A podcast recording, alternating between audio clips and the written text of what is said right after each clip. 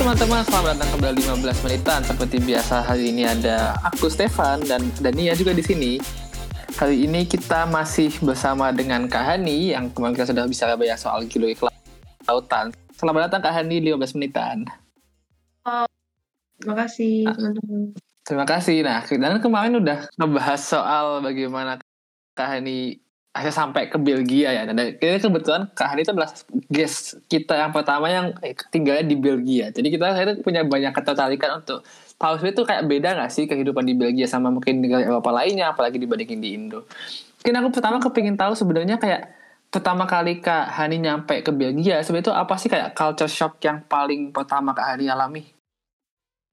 Jadi kalau culture shock yang pertama kali aku alamin pas kayak the first step I step my feet on Belgium kayak gitu itu adalah uh, language barrier sih.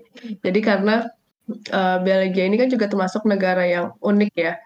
Jadi dia salah satu negara yang punya uh, lebih dari satu bahasa nasional. Jadi ada three official languages yang emang dipakai di uh, Belgia kayak gitu. Itu ada Prancis, ada Belanda, dan ada Jerman kayak gitu. Jadi Belgia sendiri ini uh, negaranya itu dibagi dua. Jadi ada negara uh, Flanders yang didominasi sama Dutch speaking people, kemudian ada Wallonia yang didominasi sama French speaking people. Terus kalau sedikit ke timur ada bagian kecil, ada ya beberapa uh, countryside yang uh, didominasi sama Jerman speaking people-nya kayak gitu.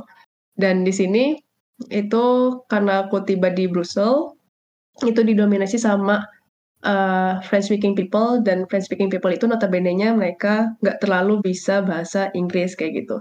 Sementara aku juga uh, terakhir kali aku belajar bahasa Inggris eh bahasa Inggris bahasa Prancis itu pas SMA dan selama itu nggak pernah di dicoba lagi nggak pernah digunain lagi.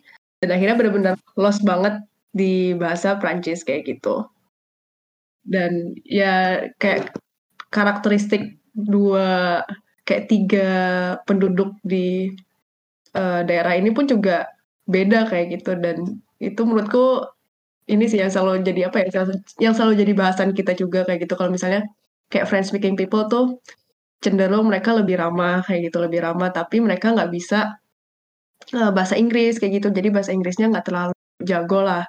Tapi kalau misalnya di daerah Dutch speaking people itu uh, mereka nggak terlalu ramah, nggak seramah French speaking people, tapi mereka bahasa Inggrisnya jago kayak gitu.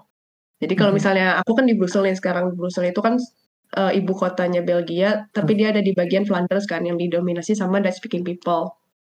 Nah itu uh, tiap hari di jalan itu pasti seenggaknya ada satu orang atau satu strangers yang nyapa aku kayak gitu, misalnya kayak bonjour.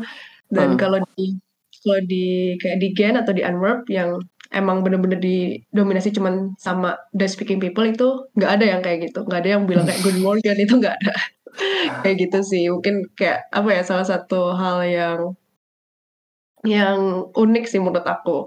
Kayak gitu karena pasti kerasa bedanya kayak gitu. Kayak kalau di kereta terus tiba-tiba pindah. Apa kan aku pindah-pindah kota gitu kan. Dari mm -hmm. Brussels ke Antwerp itu jadi kerasa banget kayak bahkan di kayak di satu negara kecil ini pun culture shock tiap kota itu kerasa kayak gitu sih ya. Uh, kalau di sana tuh sebenarnya kayak culture sebagai mahasiswa tuh gimana sih kayak apa sih yang paling membedakan kalau dibandingkan dengan Indo gitu misalnya dan gimana sih sebenarnya kayak pelan sebagai mahasiswa di terutama di akademisi terhadap kalau kalau di Eropa tuh gimana sih Belgia itu dilihatnya? Jadi emang sebenarnya Belgia ini kan kayak apa underrated ya, lebih underrated dibandingkan kayak negara-negara Eropa lainnya mungkin let's say mention Netherlands atau misalnya Germany atau France kayak gitu, Italy bahkan kalah ya, kalah sama negara-negara itu kayak gitu. Tapi sebenarnya apa ya? Uh, mungkin lebih ke karakteristiknya uh, orang Belgia sendiri juga yang mereka tuh nggak terlalu apa over pride kayak gitu sama dirinya mereka sendiri jadi nggak terlalu mempromosikan negara mereka juga kayak gitu. Makanya sebenarnya walaupun tadi Belgia itu heart of Europe karena uh, rumahnya headquarternya EU kan juga di Brussels kan di Belgia. Jadi ya benar-benar sentralnya EU makanya sering dibilang kayak heart of Europe kayak gitu jantungnya Eropa di sini. Dan kalau karakteristik mahasiswa yang beda benar-benar beda sih menurut aku benar-benar beda banget karena di sini kan kalau di Belgia sendiri umur 26 tahun itu masih tergolong uh, generasi muda. Maksudnya dalam tanggungan orang tua kayak gitu. Jadi uh, umur 26 itu mereka masih banyak banget yang pola pikirnya itu main-main kayak gitu ya emang kerjanya main kayak clubbing lah. Terus uh, apa namanya? minum-minum terus ya main-main yang belum ada pikiran untuk kayak uh, apa ya untuk survive sendiri kayak gitu. Beda ya kalau misalnya kalau di Indonesia kan kayak umur 20 tahun aja kalau masih jadi tanggungan orang tua tuh kayak malu banget kayak gitu ini mhm. nyusahin orang tua apa gimana kan. masih pikirannya tuh kayak gitu kan. Jadi lebih mental mental orang Indonesia lebih ini sih lebih lebih strong menurut aku. Makanya uh, apa namanya? Mungkin itu sih. Jadi kayak uh, salah satu tujuan kenapa uh, pemerintah Belgia itu buka scholarship untuk negara-negara berkembang itu adalah untuk memotivasi mahasiswanya sendiri, mahasiswa Belgia sendiri itu untuk bisa berpola pikir sama, bermental yang sama kayak mahasiswa-mahasiswa atau generasi-generasi muda dari negara-negara berkembang. Karena kan kita di sini itu uh, apa ya? Negara-negara berkembang itu punya anak-anak atau generasi muda yang ambisius banget ambisius banget terus ya istilahnya inisiatifnya besar kayak gitu. Dan pemikiran untuk ke depannya tuh lebih apa ya lebih kritis lah kayak gitu. Nah di situ uh, sebenarnya kayak tujuan tersembunyi dari mereka adalah untuk menginfluence mahasiswa-mahasiswa Belgia asli sini untuk bisa punya mental yang sama ambisius yang sama. Justru mereka meniru orang-orang di negara berkembang maksudnya gitu kalau kita melihat kayak negara di Eropa ya negara yang Indonesia gitu kan kita ngeliat mereka negara yang kayak first world country di mana kita semua mereka sistemnya bagus kita harus tiru. Tapi kalau dari ceritanya Kak Hani kita tuh malah ngelihat bahwa mereka gini loh mental kita itu gimana tuh maksudnya jadinya? Ya jadi lebih ke mental ke anak mudanya sih karena itu mungkin itu ya itu jadi salah satu uh, hal yang akhirnya mereka sadari. Kalau misalnya Iya, mereka sangat-sangat terdepan di uh, bidang development ya. Mereka emang sangat-sangat maju, tapi mereka sadar kalau misalnya uh, kayak segala kenyamanan, segala fasilitas yang sekarang udah ada, segala kemajuan yang udah ada itu justru membuat uh, generasi-generasi muda mereka itu lemah kayak gitu. Jadi uh, makanya kan kayak tadi aku bilang kan umur 26 tahun aja masih mikirannya kayak istilahnya menghamburkan uang orang tua kayak gitu. Belum ada pemikiran untuk bisa survive sendiri kayak gitu.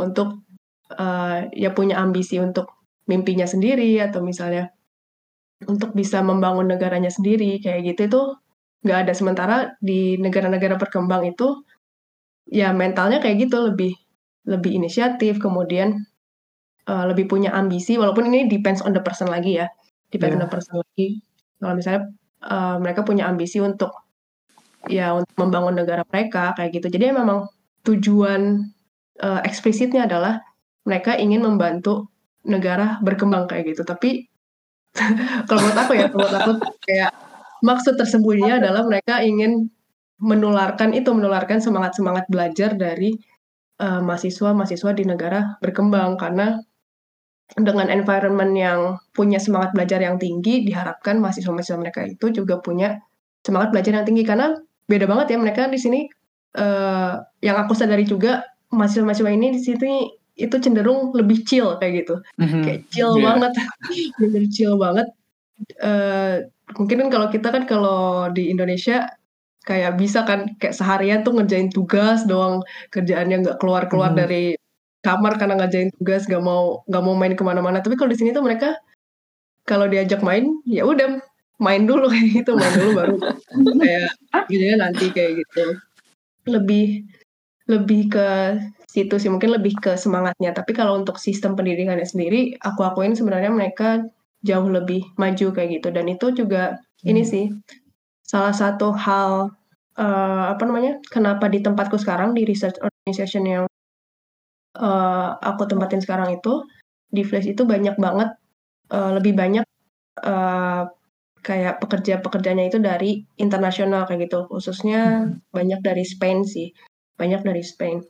dan mereka nggak ragu buat ngambil kayak misalnya aku dari Indonesia terus ada teman aku juga dari uh, Afrika juga ada di Fleece itu ya karena mereka apa ya kayak impress gitu sama karakteristiknya uh, kayak student-student dari negara berkembang kayak gitu karena mereka punya punya inisiatif yang tinggi kayak gitu. Seru banget sih dengernya gimana kayak timbal balik antara student di sana tuh bisa saling mempengaruhi satu sama lain. Cuman kami juga pengen tahu nih kak, selama kurang lebih setahun di sana nih, kuliah di luar negeri itu ada nggak sih yang kayak secara langsung affect personality kak Hani? Sebenarnya salah satu uh, hal yang mempengaruhi personality aku mungkin gitu ya, itu lebih ke pemikiran yang terbuka sih kayak gitu ya. Tapi bukan berarti uh, sangat-sangat liberal kayak gitu kan kita kalau orang Indonesia itu sering banget uh, akhirnya takut an, takut dengan adanya pergaulan bebas kayak gitu kan. Hmm. Padahal di sini sebenarnya mungkin yang aku lihat ketika kita bawa uh, personality kita sebagai orang Indonesia yang memang punya uh, value dan principle sendiri itu akhirnya membuat kita jadi uh, sosok orang yang bisa membaur tapi nggak melebur kayak gitu. Karena di sini aku sering banget dapat uh, apa ya, dapat kayak komen gitu kalau misalnya Indonesia itu orangnya ramah-ramah dan emang benar kayak gitu. Karena kita, uh, apa ya, kayak bisa friendly towards anyone kayak gitu. Kita bisa ramah ke siapa aja kayak gitu. Tapi mungkin, uh, pada akhirnya salah satu isu yang, uh, di masalah di Indonesia itu kan SARA ya. Kita itu uh, slogannya itu Bhinneka Tunggal Ika. Kemudian kita juga uh, negara yang tadi dari 33 provinsi, kemudian dari ribuan suku dan budaya, tapi kita sering banget punya isu di SARA kayak gitu. Beda pemikiran sedikit pasti udah jadi apa hot topic yang akhirnya jadi apa ya uh, obrolan-obrolan di sosial media sampai berhari-hari kayak gitu kan. Kayak vaksin atau anti vaksin kayak gitu tuh uh, bisa apa ya bisa nyenggol bisa nyenggol agama, bisa nyenggol ras, bisa nyenggol suku kayak gitu tuh apa ya something yang setelah aku ada di sini itu aku jadi mikirnya it's so funny kayak gitu. Kenapa bisa hal kayak gitu uh, jadi di jadi diperbincangkan kayak gitu kan. Sementara kalau di sini mungkin karena uh, mereka lebih terbuka dan dari kecil pun mereka terbiasa gitu ya, terbiasa uh, dengan adanya perbedaan-perbedaan kayak gitu. Misalnya kayak dia orang Belgia tapi kulitnya hitam kayak gitu.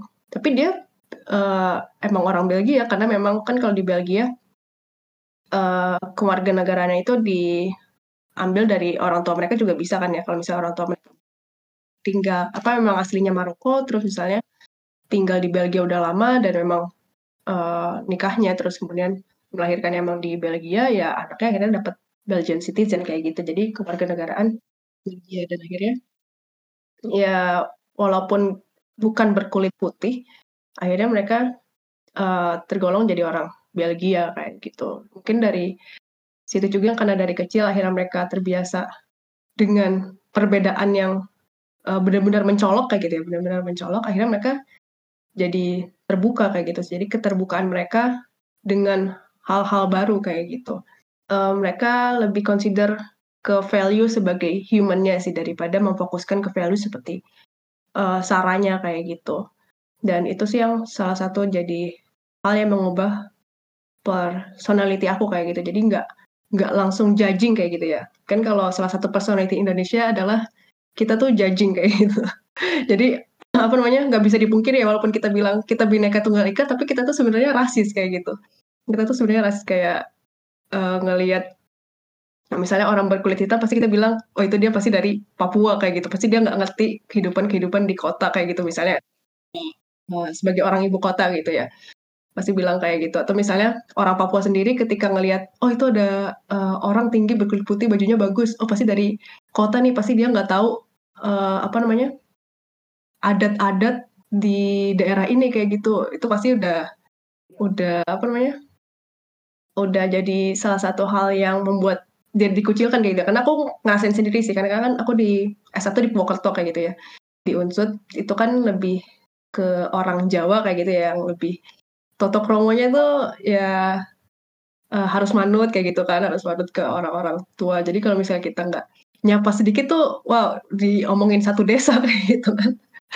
Itu jadi salah satu yang yang mungkin akhirnya mengubah uh, personality aku juga kayak gitu. Menarik sih kak bener-bener. Aku juga bisa kayak relate sama yang dibilangin di Indonesia dari banyaknya hal yang bisa dipetik itu kayak padahal hal paling dasar yang semestinya kita sebagai manusia pelajari. Cuman mhm. sayang banget nih kita udah sampai di penghujung episode kedua, episode 15 menitan. Uh, untuk menutup nih, Kak Hani ada nggak sih kayak pesan buat teman-teman pendengar 15 menitan? Apa pun deh yang mau disampaikan. Sebenarnya kalau untuk pesan, aku selalu bilang kalau misalnya aku bukan motivator, jadi mungkin pesan aku nggak mau motivasi, tapi yang selalu aku bilang adalah uh, jangan pernah uh, menyerah untuk mimpi dan jangan pernah membatasi mimpi dan jangan pernah membatasi cara untuk menggapainya kayak gitu karena sebenarnya kita itu nggak terlambat karena terlambat itu cuma doktrin dan sekali kita melangkah itu akan menuntun kita ke langkah-langkah besar kita selanjutnya. Asik. Makasih Kak Hani udah mau datang di sini. Makasih juga Stefan. Di sini juga ada ada Stefan yang memandu dari tadi. Uh, thank you juga buat teman-teman pendengar. Jangan lupa untuk tetap ikutin kami di podcast 15 menitan. Jangan lupa untuk follow dan juga untuk ikutin kami di Spotify maupun platform podcast favorit kalian. Thank you semuanya dan see you in another episode. See you.